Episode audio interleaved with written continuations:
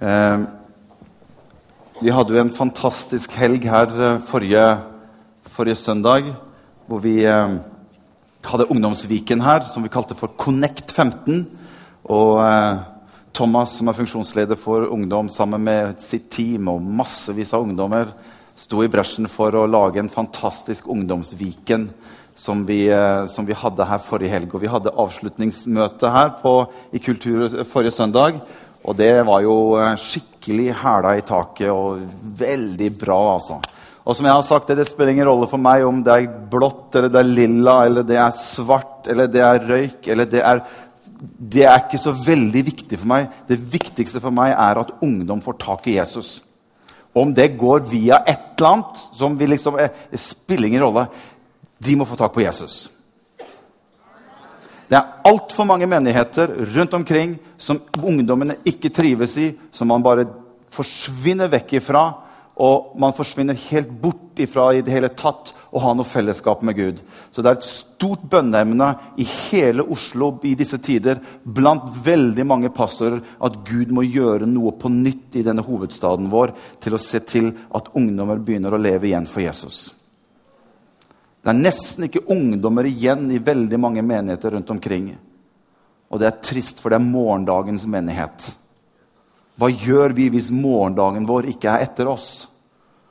Og Derfor er dette utrolig viktig, og det ligger oss på hjertet, det ligger lederskapet på hjertet. Og vi er villige til å strekke oss langt for at den generasjonen som kommer etter oss, skal få lov til å ta over stafettpinnen og være fylt av Jesus. Være døpt i Den hellige ånd, fullt av Han, og få lov til å ta dette budskapet videre og vinne enda flere mennesker enn det vi har vunnet. Amen. Så la oss stå sammen om det. Det er veldig veldig bra. Så Vi hadde en fantastisk avslutning her forrige søndag hvor det virkelig svingte i, eh, si, i eh, lampene her oppe. Eh, og Jeg begynte litt å dele rundt det som jeg har kalt for Ut ifra Davids sitt liv, fra, som jeg har kalt fra hyrde til konge. Jeg har liksom hatt litt sånn, og gått inn i en del av enkeltes liv i Det gamle testamentet. Og vi, vi snakket, Før David så snakket vi om Jakob. Eh, og vi snakket om dette med min identitet ut ifra Jakob sitt liv. Jeg har fått beskjed om å snakke litt saktere enn det jeg pleier å gjøre, slik at tolkene våre Gud hjelpe de, at de henger med litt på det som jeg prøver å, å, å, å få fordelt. Så vi husker på dere i bønn. Ja. Stor nåde over tolkene.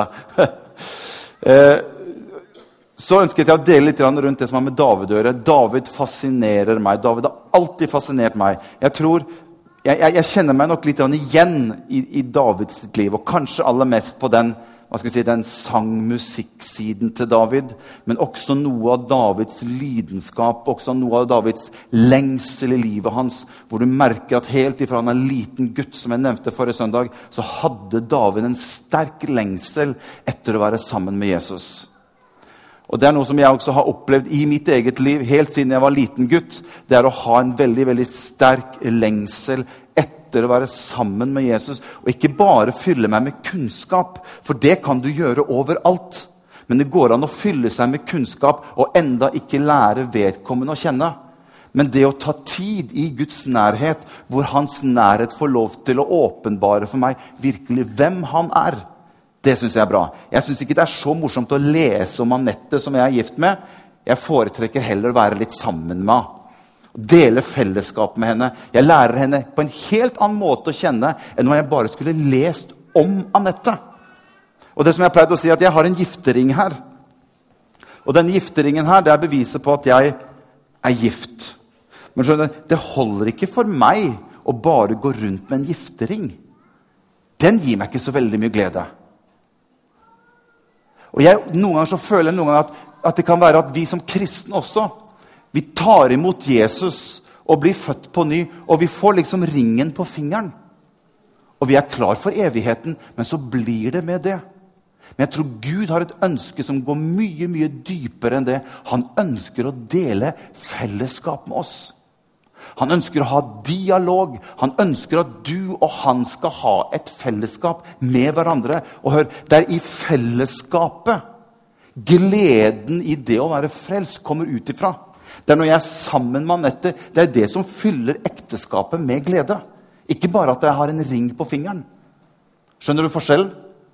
Så, så jeg har opplevd at Hovedbudskapet mitt av det som jeg ønsker å dele rundt det som har med David å gjøre, er på en måte å lokke oss inn. At ikke kristenlivet vårt bare blir en slags form for teori, hvor du og jeg vet om Jesus, og jeg, jeg tok imot ham en gang. Jeg ønsker å, i dette budskapet å skape en lengsel i oss til at det fins noe mer som Gud ønsker i dette fellesskapet. Han ønsker å dele det med oss et intimt fellesskap med Han på daglig basis. Og det er det som kommer til å fylle kristenlivet ditt og mitt med glede og innhold. Amen. Eh, jeg skal bare ta utgangspunkt i ett skriftsted. Eh, er dere klare for å høre Guds ord? Bra. Gud velsigne dere tre på venstre side her. Paulus han er i Antiokia. Og I en av talene sine i Antiokia så, så, leser han, eller så sier han dette til den forsamlingen som han hadde foran seg da. Og Det kan du lese i Apostelens gjerning i kapittel 13, og vers 21 og 22. Der sier Paulus Så ba de om en konge. Han snakker om Israel. Og Gud ga dem Saul, sønn av Kish, en mann av Benjamins stamme, og han var konge i 40 år. Gud avsatte han og oppreiste David til konge over dem. Han fikk dette vitnesbyrdet av Gud. Jeg har funnet David, Isais sønn, en mann etter mitt hjerte. En som skal utføre det jeg vil. Paulus forteller da menigheten i Antiokia at Gud tok kongedømmet som Saul hadde, fra han, og sier at Gud ønsker å sette en annen konge på tronen, en som heter David. En mann etter Guds hjerte. En mann som er etter Guds hjerte, står det. Vi har ofte snakket litt om det, men vi skal komme tilbake til det. Men noe, noe av det som jeg delte med dere forrige gang, det er at når Gud tar kongedømmet fra, eh, fra Saul og sier til Samuel du må gå til Saul og si at fra denne dagen har kongedømmet blitt revet ut av dine hender. Så sier Gud til Samuel at du skal fylle bukkhornet med olje og så skal du gå til Isais hus. Han har en sønn der som jeg ønsker å salve til den neste konge. Og Samuel går til Isais hus. Og Isai har åtte sønner, men bare syv av dem er representert si, i valglokalet. Og Samuel kommer inn, og gutta står høyreist. Og Samuel blir på en måte litt sånn fascinert, på en måte, som vi mennesker ofte gjør, av det menneskelige og det ytre. Så Samuel begynner å se på individet og tenke seg han der, ja, han ser jo ut som en konge. Han tror jeg høyreist og kraftig. Nå, nå kan du se, bare se på meg, så er sånn høyreist og kraftig. Nå synes jeg, det, det er ikke morsomt. Det var ikke morsomt. Og Samuel går nesten i fellen på. For han får liksom ikke som jeg sa for, han får ikke noe olje ut av bukkhornet. Det er ingenting som skjer når han prøver å få en av disse gutta til å bli neste konge. Det skjer ingenting. Til slutt så må Isai, Samuel spørre Isai er, er dette alle sønnene dine. Så sier Isai nei, jeg har en gutt til, men han er ikke noe konge. Han er bare en ung jypling. Han er bare en hyrde ute på markene. Han er der ute med, med, med sauene nå og er ute og gjeter sauene. Han tror jeg ikke er noe emne for å bli konge. Og Isa sier dere må hente ham. Og inn kommer David. Og som jeg sa forrige søndag David var ikke så veldig opptatt av å få en slags form for posisjon. David var ikke så veldig opptatt av å få en slags form for oppmerksomhet. Han hadde ikke noe ytre som skulle tilsi at han skulle liksom bli sett på som en konge. Han var ikke trent for å bli konge. Han hadde ikke noe utdannelse for å bli konge. Men vet du hva David hadde? Han hadde vært ute på markene, og så hadde vært sammen med Jesus. Han delte et fellesskap med kongenes konge og herrenes herre. Der ute på markene var han sammen med Jesus. Og hør, det er Jesus som skal forfremme deg og meg, og ikke hva du og jeg kan få til i kraft av oss sjøl. Nøkkelen til David det var at han var sammen med Jesus. Han delte dette fellesskapet, og det tilfredsstilte David så mye at det var nok for han det. Og Det leser du om i salmen. Når David skriver sine salmer, så skriver han veldig ofte om hvor, hvor godt det gjør for ham å være i Herrens nærhet. Han sier, 'En dag sier han, i Herrens tempelgårder er bedre enn tusen ellers.'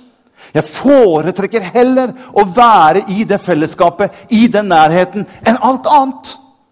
Og så står det at han var en mann etter Guds hjerte. Og Vi har ofte brukt det begrepet 'etter Guds hjerte'. Hvorfor er David en mann etter Guds hjerte? Og så har vi ofte tenkt som så, jo, skjønner, Han var så flink å omvende seg. Han, han, var, han var rask til omvendelse, pleier vi ofte å si. Men saken er bare det at Samuel utnevner disse ordene for kong Saul lenge før David var blitt konge. Og sier Han er en mann etter Guds hjerte. Jeg tror ikke det gikk bare på at, David var flink til å på en måte omvende seg når han hadde gjort noe galt. Men det så, han var en mann etter Guds hjerte. Jeg tenker kanskje at det ordet 'etter' kan bety litt mer enn at det er bare fra Guds side og mot David. Men at David var en mann som var etter Guds hjerte. Skjønner du tanken? Han var etteren. Han var etter Guds hjerte. Du vet om Vi gutta når vi var unge og vi var forelska Er det noen som dimrer? Mannfolk? Når vi var unge, forelska Hva skjer for noe? Vi hadde peila oss ut én. Og hva skjer? Vi er etter henne. Altså, det er noe, det er noe, altså Når menn blir forelsket, når gutter blir forelsket Det er utrolig hva de kan finne på.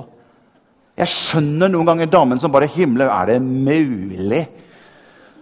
Vi blir helt sånn Litt sånn smådum, liksom. Litt sånn, men, men greia er at vi er etter henne. Vi gjør alt vi kan for å få oppmerksomheten hennes. Vi, vi, vi stiller oss i en posisjon som, som, gjør at hvis de nå ser meg, så kanskje de liker meg. Og det er noe av den tanken jeg tror også ligger i dette, at David var en mann etter Guds hjerte. Han var innenfor Gud. Han gjorde innenfor Gud for å ønske å være sammen med han, ønske å få oppmerksomheten fra Gud. Han var en mann som er etter meg. Ja, han, det tar ikke lang tid, så er David der igjen.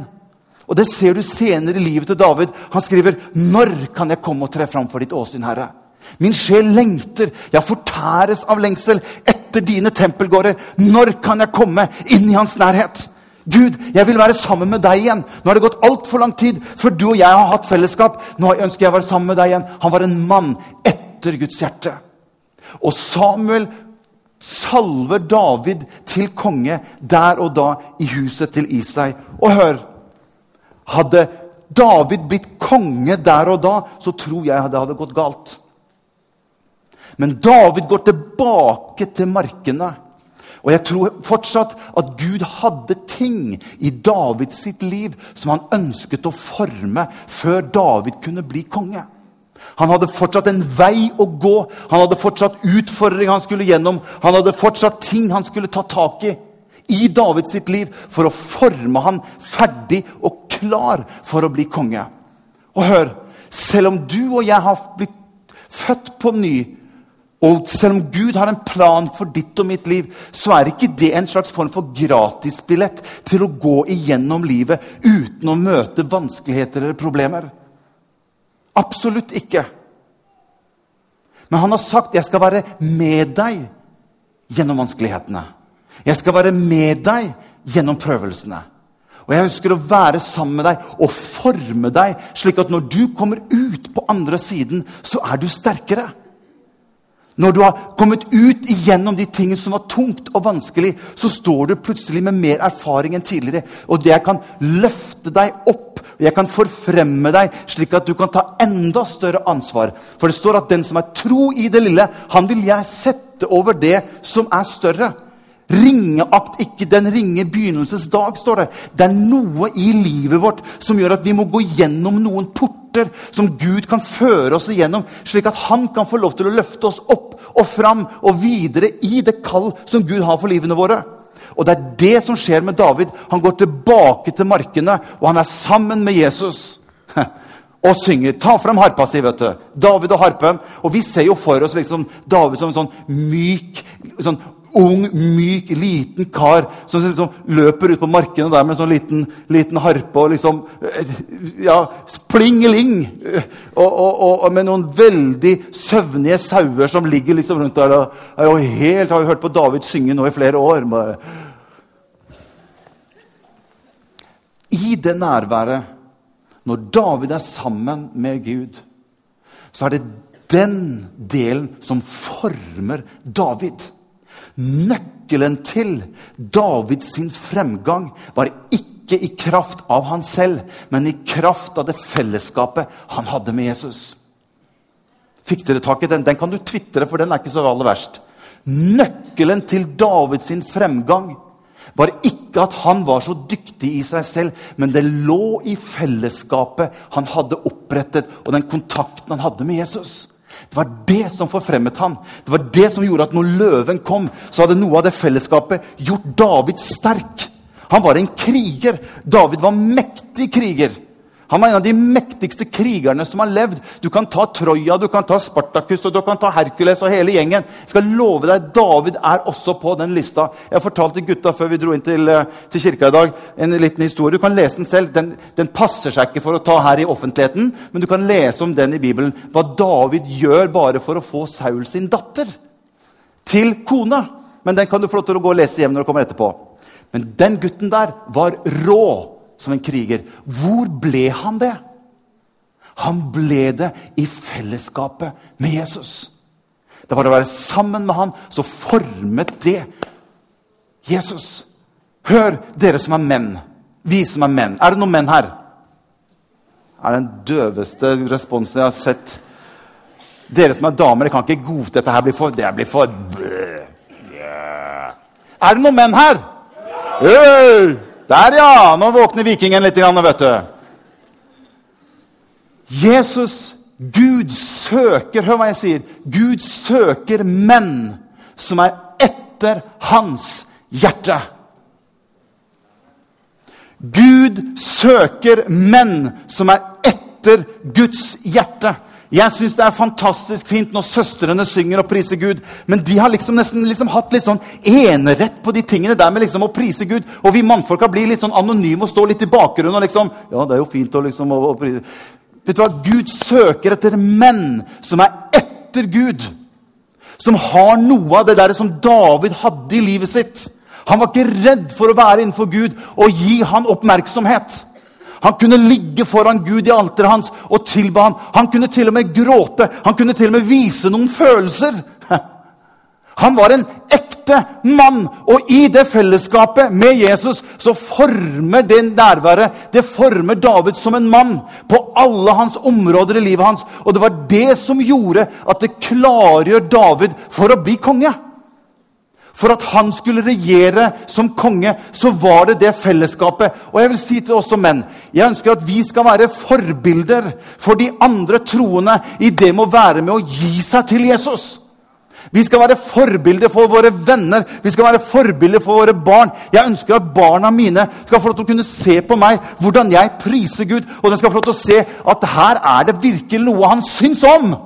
For med en gang vi kommer på sportsarenaen vi ser på noen som spiller fotball, da er det liksom noe av mannen vår som kommer liksom fram.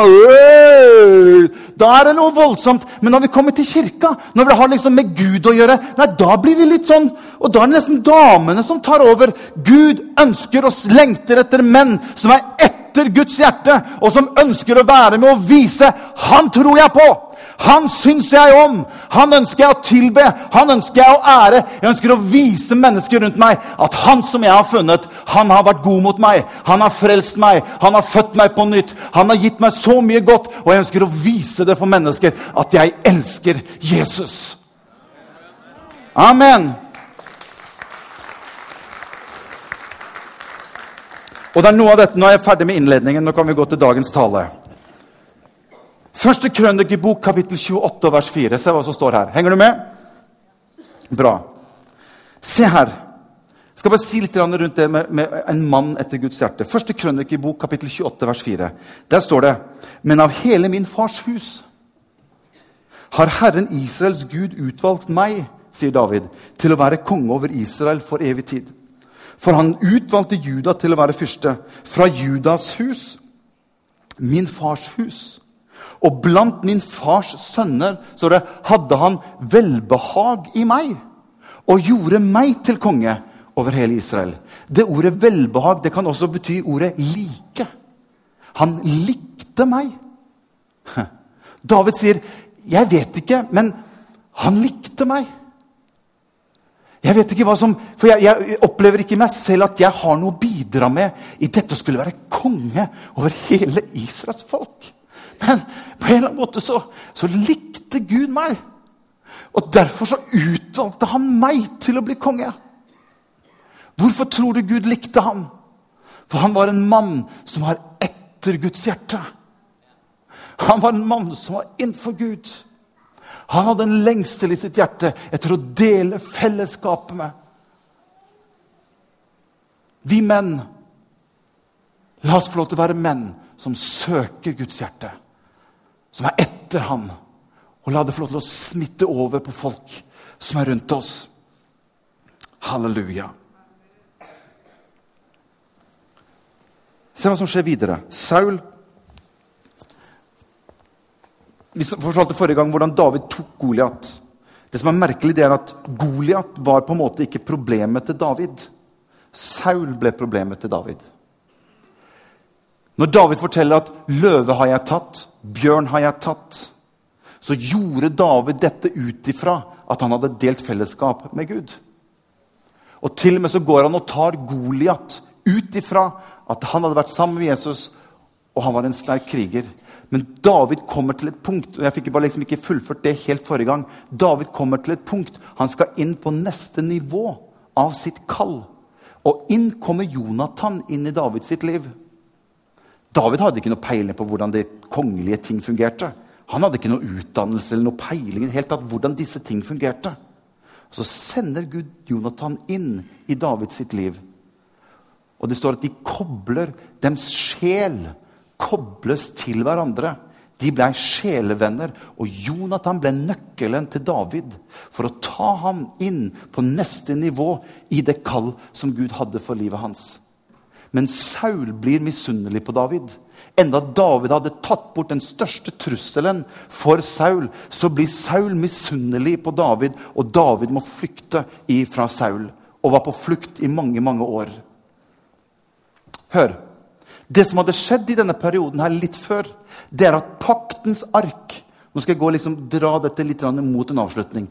Paktens ark, som var, si, som var på en måte symbolet på Guds nærvær i Israel. Paktens ark det var den som sto inne i det aller helligste. Der dvelte Gud oppå.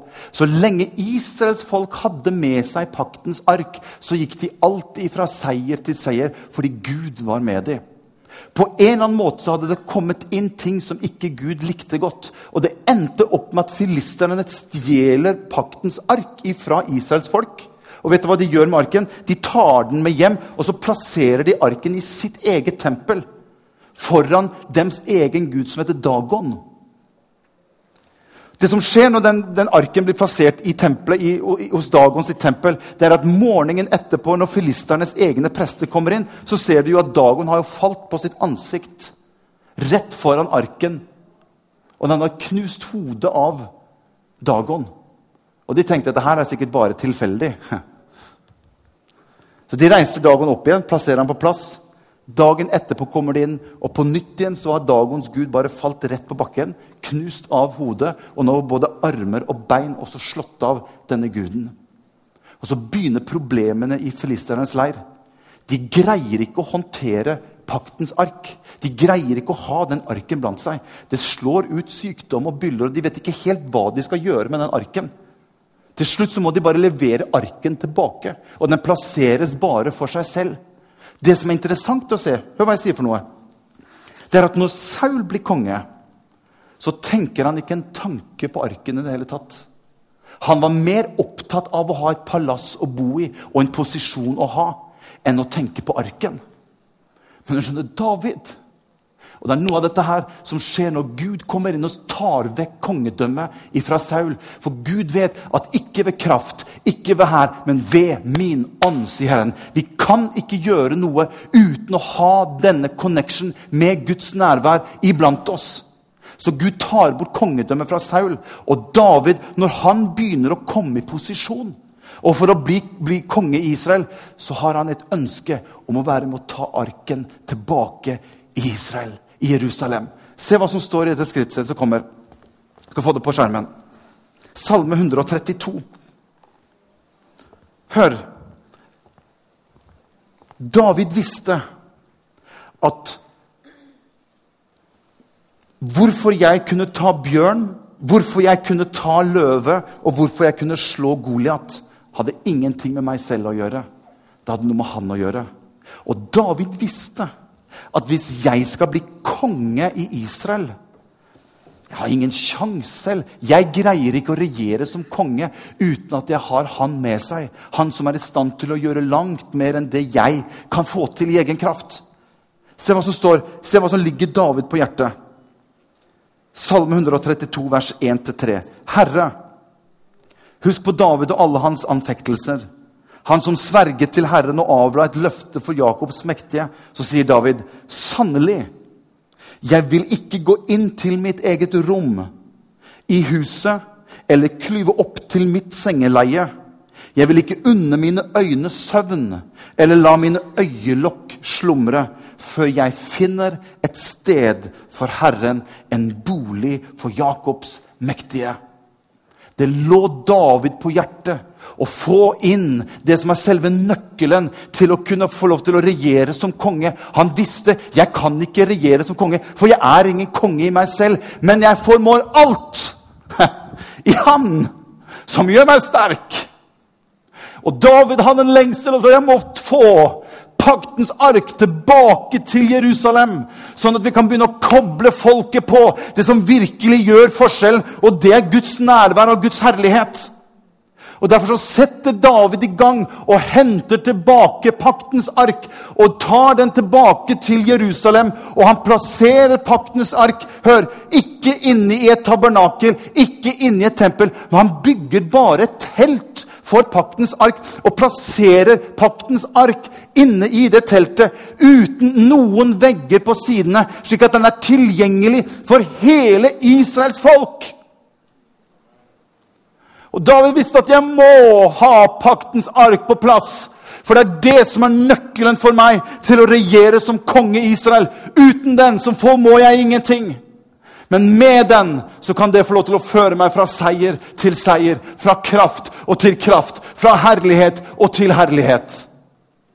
Og han tar den med tilbake og hør, Den verdien som David hadde når han var ung gutt ute på marken og sang og var sammen med Gud, den verdien tok han med seg inn i det å bli konge. Han kjente at det som jeg hadde som en liten gutt, dette fellesskapet med Gud Jeg er nødt til å få det med meg inn i min regjeringstid som konge i Israel. Han tar med paktens ark tilbake. Og her jeg har sett for meg David når han kommer og har fått paktens ark tilbake. Jeg er sikker på at han måtte ta litt tid å være der sammen. Det er, det er en sang som jeg har tenkt mye på i det siste. Jeg, jeg, vet ikke om David kunne den sangen. Antageligvis ikke. Men den passer veldig godt inn i hvordan David tenkte og hadde det. Jeg vet ikke om dere har hørt men den går litt sånn Tenk deg litt som David når han kommer inn i teltet kanskje en tidlig om morgenen. er litt stille. Og Så kommer han inn der foran paktens ark, og så, så synger han I have not come to ask you for anything except for the privilege to glorify your name. Let my singing and my prayers to you fill you up, oh God, that you might be satisfied. I long to worship you. I long to worship you. to stand in your courts and say, How marvelous you are. I lift my hands to you. I want to lift you up. Here in your presence, Lord, I long to worship you. Du skjønner? Det var den kontakten der, den intimiteten der, som David kjente jeg må ha den med meg. Og jeg vil si til oss Jeg har fortalt den drømmen mange ganger når jeg våknet opp. Og jeg så denne, dette teltet, hvor denne paktens ark var flyttet helt ut i et hjørne. Og det var liksom ikke plass til paktens ark. Det var liksom så det var veldig trangt inn i teltet. Og jeg våknet opp, og jeg skjønte med en gang hva det var for noe. Jeg følte Gud sa til meg, si til folket at det er ikke paktens ark som dere må prøve å finne en plass til ute ved siden, ute ved kanten. Men bygg livene deres rundt paktens ark. La den få ha et sentral plass midt i livet ditt. La den få ha en sentral plass midt i hjemmet ditt. La det være noe som foregår der. At det er kommunikasjon. At det skjer noe rundt denne paktens ark. Det var det David ønsket så inderlig å få tilbake. Og Davids tabernakel, det var en foregang på Jesus som skulle komme og opprette og ta bort alle skilleveggene som skilte folket fra å komme inn i hans nærhet. Og vet du hva David gjør? Jeg skal avslutte. Vet du hva David gjør? Han velger seg ut 4000 menn og deler dem opp i skift. Han begynner å trene sangere og musikere. Han tar med seg det han hadde fra han var unge. Og han setter 4000 mennesker på team for å gå 24-7. Og i 40 år som David var konge, så sto disse tjenerne rundt paktens ark. Og det eneste de gjorde i det tabernaklet, det var bare å tilbe ham 24 timer i døgnet og rope til ham. Hellig, hellig er Herren Herr Sebaot. Din hele jorden er full av din herlighet. Og de gikk bare på skift. Så når ett skift var ferdig, så kom det inn et nytt skift. Når ett skift var ferdig, så kom det inn nyskift. nytt 24 timer i døgnet, syv dager i uken i 40 år som David regjerte. Hvorfor var han så opptatt av dette? For han visste det, at nøkkelen ligger i det fellesskapet som jeg hadde med Jesus. Søk først Hans rike og Hans rettferdighet, så skal jeg gi deg alt det andre i tillegg. Søk Han først. Vær sammen med Han først, så skal jeg få lov til å være med og forfremme deg inni det som Gud har tenkt for livet ditt. Dette var det David gjorde, og det gjorde at riket, Israels kongedømme, var aldri så stort som når David var konge i Israel. Han vant en fantastisk seier, og han hadde kongeriket Israel i 40 år på den måten. Fantastisk. Halleluja. Kan vi ikke bare reise oss opp, alle sammen?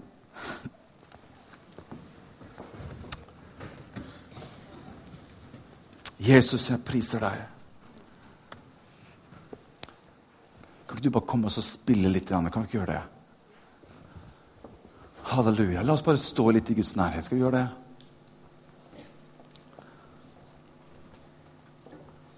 Det står at hans øyne søkte over hele jorden etter å finne en mann som var etter hans hjerte. Halleluja. Herren søker etter deg og meg, etter å være en mann og en kvinne som er etter Guds hjerte. La det få lov til å få en ny betydning i formiddag, dere. Halleluja. La oss bare få lov til å la oss være litt i Herrens nærhet til. Jesus er her. Jesus er her. Jeg har lyst til å si til dere som har familier og hjem Ikke la det som har med Gud å gjøre, ikke la det som har med Jesus å gjøre, ikke la det som har med kirke å gjøre, ikke la det bli en problempost for deg. Men tenk deg at det er ut ifra det livet kommer. Søk inn i det istedenfor å prøve å rydde det bort. For vi vil, vi vil, gjerne ha med Jesus, skjønner du. Men det er liksom ikke plass til han i jeg, jeg sliter med å finne plass for han. Jeg, jeg, vet ikke helt hvor vi skal gjøre, for det, det tar så mye tid. Jeg, jeg vet ikke hva, liksom, Det er så mye, jeg har så mye ellers, og, og så prøver vi å, å plassere og dytte bort det som er nøkkelen til at Gud kan forfremme deg. At Gud kan løfte deg opp. Saul var bare opptatt av å få et palass for seg selv. Han var ikke så opptatt med arken. Men David hadde et hjerte som ønsket å få koble seg på det som var nøkkelen hans. Du som er pappa, la barna dine få lov til å se noen ganger at du er litt begeistra for Jesus. Når du går forbi barna dine noen ganger, så bare si litt høyt for deg sjøl 'Jesus, jeg elsker deg'. Se lille gutt opp på deg. Hæ? Pappa han elsker faktisk Jesus. Vet du, Sånne ting er med og påvirker barna dine i hjemmet ditt. La de få lov til å se at du er en mann etter hans hjerte. La oss bare stå litt i hans nærhet, så lukker vi våre øyne. Jesus er her. Å, vi priser deg, Herre. Kjenner Guds ånd er her. Jeg merker at Guds ånd kaller på mennesker og lengter etter å få en ny og nærmere kontakt med mennesker her. Du har vært lenge på avstand. Og den nærheten som vi hadde en gang, sier Jesus, den har vi ikke lenger. Den kontakten som vi en gang hadde, det har blitt så lenge mellom hver gang du og jeg har vært sammen. Men jeg ønsker så inderlig å dele fellesskap med deg igjen. Jeg ønsker så inderlig å være sammen med deg igjen og få lov til å høre din røst og se dine øyne innenfor min trone. Og få lov til å dele fellesskap med deg. For jeg har så mye jeg ønsker å vise deg. Jeg har så mye jeg ønsker, jeg ønsker å dele med deg. Jeg har så mye jeg ønsker å gjøre i og gjennom ditt liv, sier Herren. Så trekk ikke bort ifra meg, men trekk nærmere meg. Kom inn i min nærhet. Søk meg, for jeg er å finne. Jeg er hos deg. Når ting synes vanskelig, så er jo jeg der for deg. Hvorfor søker du vekk når du kan søke inn mot meg, og jeg kan få lov til å være din hyrde? Jeg kan få lov til å være din konge. Å, Jesus, jeg priser deg. Mens vi har våre øyne lukket, så har jeg lyst til å spørre hvis det er noen her i formiddag som kjenner at jeg jeg har ikke den kontakten med Gud. Jeg har ikke den koblingen mot Gud som jeg kjenner i mitt hjerte at jeg kanskje burde hatt. Jeg kjenner at det er et eller annet på innsiden som, som, som, som trekker på meg her i formiddag i Kulturhuset. Mens vi har øynene lukket, så har jeg lyst til å spørre hvis du er her og du tenker jeg er nødt til å få en sterkere kontakt med Gud. Jeg er nødt til å få livet mitt enda mer koblet på Gud. Hvis du er her, så ønsker jeg bare at du skal få lov til å løfte opp en hånd. Og så har jeg lyst til å bare se hånden din. Det er en der, det er en der. det er En der. Masse.